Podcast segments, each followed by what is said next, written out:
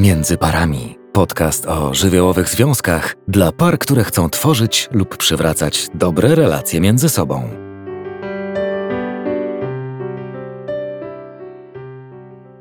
Witam Was w kolejnym odcinku żywiołowych związków. Dzisiaj o tym, czy na psychoterapię warto wybrać się razem, czy też osobno. To jest pytanie, które najczęściej pojawia się w relacjach, które chcą odbudować swój związek, i w takich sytuacjach, kiedy jedna osoba chce na tą terapię się wybrać, a druga nie, i zastanawia się, czy kiedy wybierze się sama, to czy to ma w ogóle sens, czy to jest totalnie niepotrzebne i czy pracując w pojedynkę można coś w tej relacji zmienić. Na te pytania będę starała się odpowiedzieć w tym podcaście. Zapraszam Cię do niego serdecznie. Zaprasza Marita Woźne. Zacznę może od tego, że para w swoim życiu przechodzi różne kryzysy. Część z nich są to kryzysy rozwojowe, które na pewno czekają parę. To jest rozczarowanie po pierwszych etapach związku, czy też po narodzinach dziecka, pojawienie się kolejnych dzieci, zmiana form edukacji tych dzieci, wyjście z domu dzieci i pójście na studia, wtedy kiedy para zaczyna być znowu razem, bez dzieci i musi się nauczyć zżyć ze sobą od początku, bo przez wiele lat byli skoncentrowani na rodzicielstwie i wychowywaniu swojego potomstwa i teraz nagle muszą odnaleźć się w nowych rolach. Oczywiście takim rozwojowym kryzysem jest też przejście na emeryturę i to, co dzieje się też po niej. W toku życia możemy też mieć takie kryzysy, które są kompletnie niespodziewane i do nich możemy zaliczyć zdradę, śmierć kogoś bliskiego, różne problemy finansowe, zawodowe, zdrowotne, osobiste trudności i nagłe sytuacje kryzysowe, które dzieją się też w relacji. Natomiast to, co jest najważniejsze, kiedy te kryzysy się pojawiają, to różne pary mają różne możliwości radzenia sobie z tymi kryzysami. I jeżeli z pierwszym pojawiającym się kryzysem nie damy sobie rady, a więc mówiąc psychologicznym językiem, nie przepracujemy go, nie opracujemy go na tyle, żeby czuć jakieś rozumienie tej sytuacji, ulgę i dotarcie do siebie, to bardzo trudno będzie przechodzić kolejne warstwy, bo kryzysy będą się na siebie nakładać i odbijać trochę czkawką i powodować, że będą gdzieś tam nam dudnić i brzmieć po to, żeby się nimi zająć. A więc co czeka nas po kryzysach? Można powiedzieć, że my się wspinamy trochę jak na taką e, górę, do której chcielibyśmy, żeby związek rozwijał się, a nie upadał. Natomiast, żeby tak było, to jest to ciężka, często przypominająca sezyfową praca, bo wielokrotnie musimy ten ciężki trud na tą górę wtaczać, a ta kula może nam spadać wielokrotnie. I trochę od naszej motywacji, zaangażowania i tego, czy robimy to sami, czy robimy to wspólnie, zależy, jak wysoko możemy ją popchnąć, albo jak możemy ją upuścić na dół i tak naprawdę zaprzepaścić to, co budowaliśmy do tej pory. To, co czeka nas po kryzysach, czy w trakcie tych kryzysów, często też dotyczy tego, że czujemy się, jakbyśmy stali na jakimś rozdrożu i nie mieli mapy, jak podążać i co robić, bo jak już te kryzysy się tak nagromadziły, to nie za bardzo wiemy, co można z nimi zrobić. Czasem fantazjujemy sobie, że w innych relacjach będzie nam lepiej i łatwiej, jak spotkamy kogoś takiego, kto w danym momencie jakoś tak trafia we wszystkie nasze potrzeby, to może się okazać, że czujemy, że to jest y, jakiś cud, który się zdarzył i ktoś, na kogo czekaliśmy, a niekoniecznie tak musi być. A czasem padamy w jakiś wir pracy czy różnych używek, które przynoszą chwilowe ukojenie, ale nie rozwiązują problemu. Czasem natomiast jest tak, że mm, nad tą przepaścią, gdy stoimy wspólnie, ktoś odchodzi i zostawia tą drugą stronę i mówi: radź sobie sam, ja zawijam swoje bagaże i idę w inną stronę, w innym kierunku. A innym razem kopie leżącego do tego stopnia, że zrzuca go, można powiedzieć metaforycznie, trochę tej e, skarpy, po to, żeby samemu jakoś móc przetrwać i się utrzymać. I żadne z tych mechanizmów nie powoduje, że para będzie w stanie odbudować swoją relację. Co więc można robić innego? Kiedy jesteśmy na tym szczycie, nad przepaścią i nie wiemy, co zrobić, to być może potrzebujemy poszukać różnych takich strategii, które wcale nie przyjdą nam łatwo i natychmiast, ale które sprawią, że będziemy w stanie dryfować później nad tą przepaścią, oglądając przepiękne widoki. Ale żeby to zrobić, to trzeba najpierw sobie wyobrazić, jak duży kryzys y, może być rozumiany w związku i że często jest to tak naprawdę zburzony dom, zburzony fundament, który trzeba budować od samego początku, a mówiąc inaczej, że po takich wielkich kryzysach jest to budowanie drugiego małżeństwa od samego początku. Kiedy i jak odbudować związek? No właśnie, mamy tutaj jakby trzy drogi wtedy, kiedy nam zależy wspólnie na tym, żeby ten związek odbudować, i wtedy, gdy mi zależy, a drugiej połowie nie, a przynajmniej tak mi się wydaje, czyli tylko ja mam gotowość do tego, żeby pracować nad tą relacją. I jeszcze jest trzeci wariant, kiedy to druga połówka chce ratować tą relację, a ja nie za bardzo mam na to ochotę. Albo przynajmniej nie wiem, co mam zrobić i czy warto i w którą stronę właśnie pójść. I o tych trzech aspektach w tym podcaście będę chciała opowiedzieć. Zacznijmy od pierwszego, gdy zależy nam obojgu. Tutaj wydaje się sprawa dość prosta, dlatego że motywacja jest po jednej i po drugiej stronie i można założyć, przynajmniej w teorii, że obie osoby będą starały się o to, żeby tą relację odbudować. Ale to nie znaczy, że będzie łatwo, że będzie bez przeszkód, że będzie bez wojen i bez konieczności wsparcia osoby trzeciej, bo czasem i ona będzie tutaj potrzebna. Natomiast jest takie poczucie, że robimy coś razem i że to ma sens. I sama taka decyzja o tym, że robimy to razem i razem idziemy na przykład na terapię, sprawia, że już zaczyna się budować jakaś bliskość, bo zaczynamy określać swój cel i czujemy się dla siebie ważni. Druga sytuacja jest taka, kiedy to mi zależy, a drugiej połowie niekoniecznie, a przynajmniej tak mi się wydaje. Czyli trochę mam tu ochotę powiedzieć, że jeśli masz takie przekonanie, że tobie zależy, to próbuj bo jeżeli druga osoba jeszcze nie wycofała się z tej relacji, to prawdopodobnie też ją coś trzyma, a może nie mieć gotowości do tego, żeby pójść gdzieś po wsparcie. To jest najczęstszy powód nieprzychodzenia par do gabinetu, mianowicie taki, że ktoś bardzo się lęka i boi się takiego odsłonięcia i konfrontacji ze swoimi uczuciami, że nie jest w stanie sobie nawet wyobrazić, żeby opowiadać przy obcej osobie o tym, co jest trudnego. Oczywiście w takiej sytuacji możemy sprawdzać nasze własne granice i granice drugiej połowy i trochę pytać się samego siebie, czy wykorzystaliśmy wszystkie możliwości, jaki mamy zysk z tych podjętych działań. I czy może być tak, że jedna strona, która czuje się silniejsza, bardziej zmotywowana, bardziej gotowa do tego, żeby pójść po pomoc, może być dźwignią dla drugiej strony bo jeżeli zależy nam bardzo na relacji, to musi być ktoś, kto będzie chciał wprawić w ruch tą maszynę ponownie i tak jak mówi Dalaj Lama, tylko działanie jest działanie. A więc czekanie w takiej sytuacji e, nie pomaga. Oczywiście, żeby wybrać się z drugą połową, albo przynajmniej ją zachęcić do tego, żeby poszła i spróbowała e, wsparcia razem z nami, to nie możemy robić pewnych rzeczy. Na przykład to, czego warto unikać, to jest szantaż emocjonalny, czyli jak ze mną nie pójdziesz, to się z tobą rozwiodę albo jak ze mną nie pójdziesz, to zabiorę dzieci, albo jak ze mną nie pójdziesz, to się wyprowadzę i opróżnię całe konto na przykład. E, warto też jednak nie używać pretensji, że ty nie walczysz o to, tylko szukać takiego rozumienia, dlaczego jest mu trudno i czego się właśnie obawia.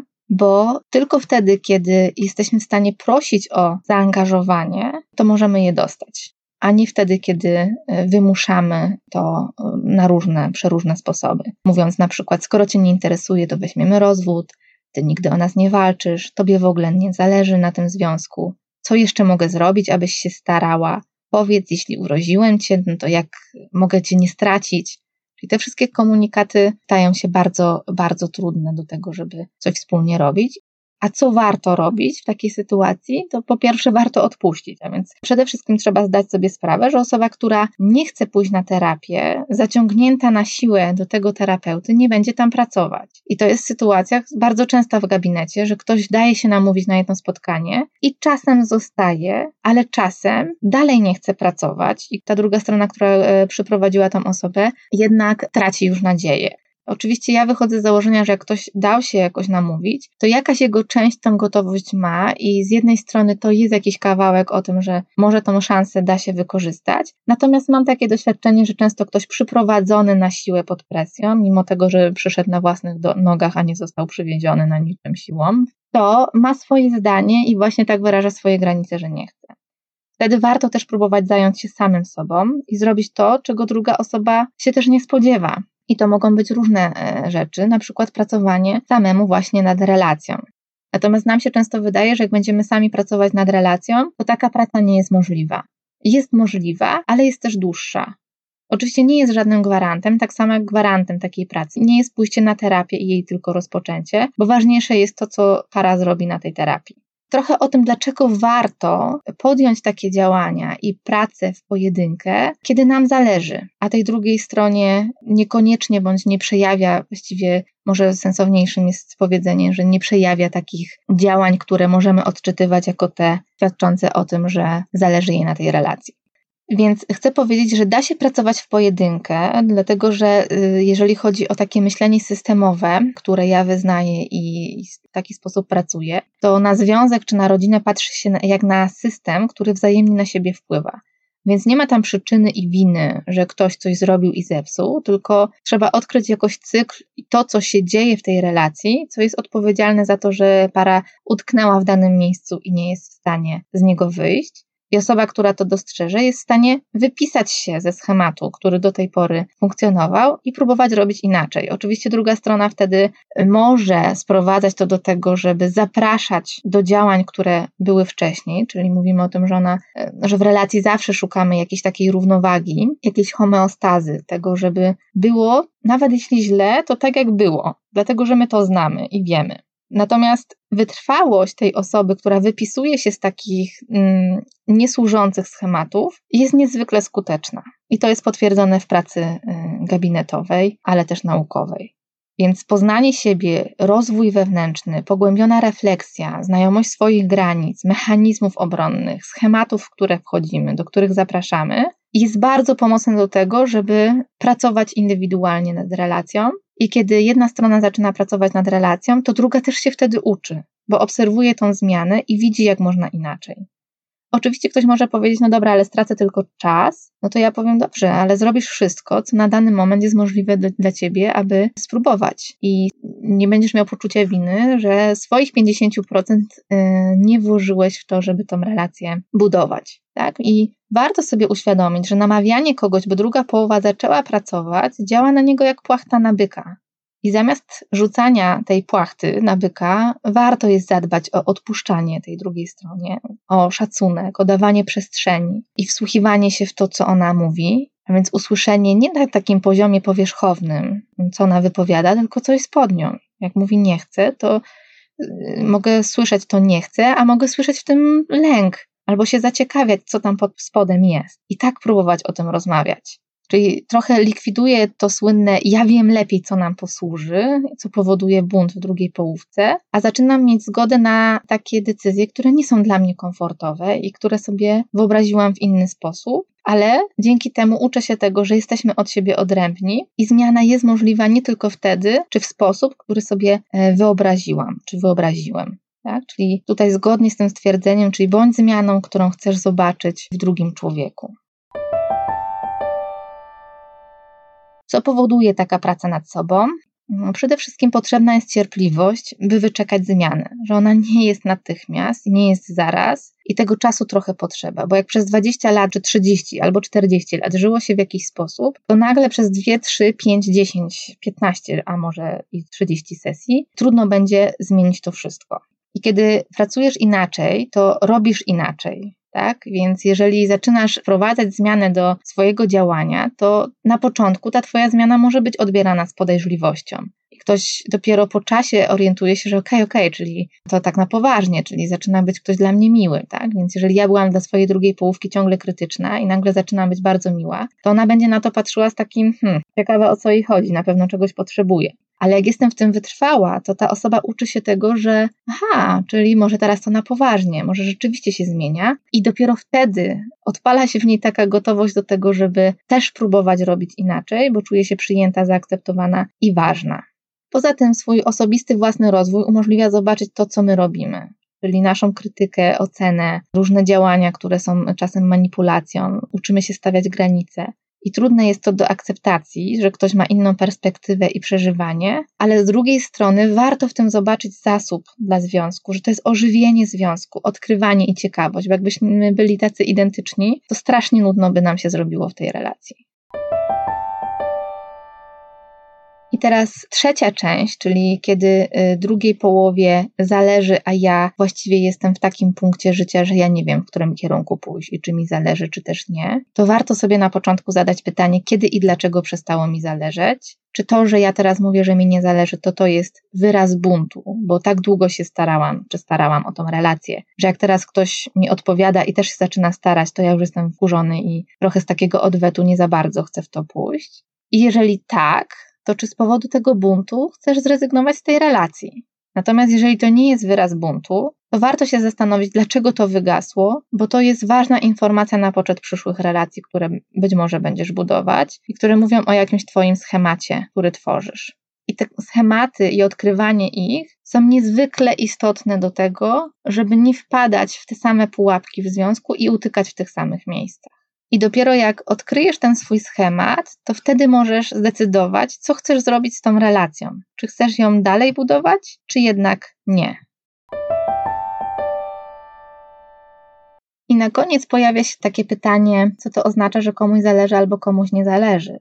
Moje doświadczenie pokazuje, że jak nie zdefiniujemy sobie tego, to można porzucić coś, co naprawdę było dla nas w życiu wartościowe, bo może się okazać, że my jakoś definiujemy to, że jak komuś zależy, to będzie zachowywał się w określony sposób, a ten człowiek może mieć inną definicję tego i warto się nad tym zastanawiać i to porównywać. I to może temat też na zupełnie inny podcast.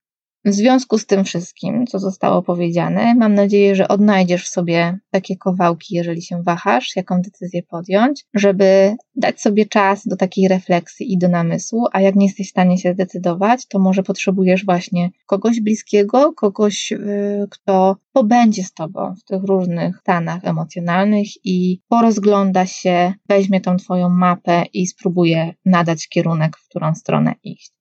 Bardzo mocno trzymam za to kciuki i do usłyszenia w kolejnym odcinku.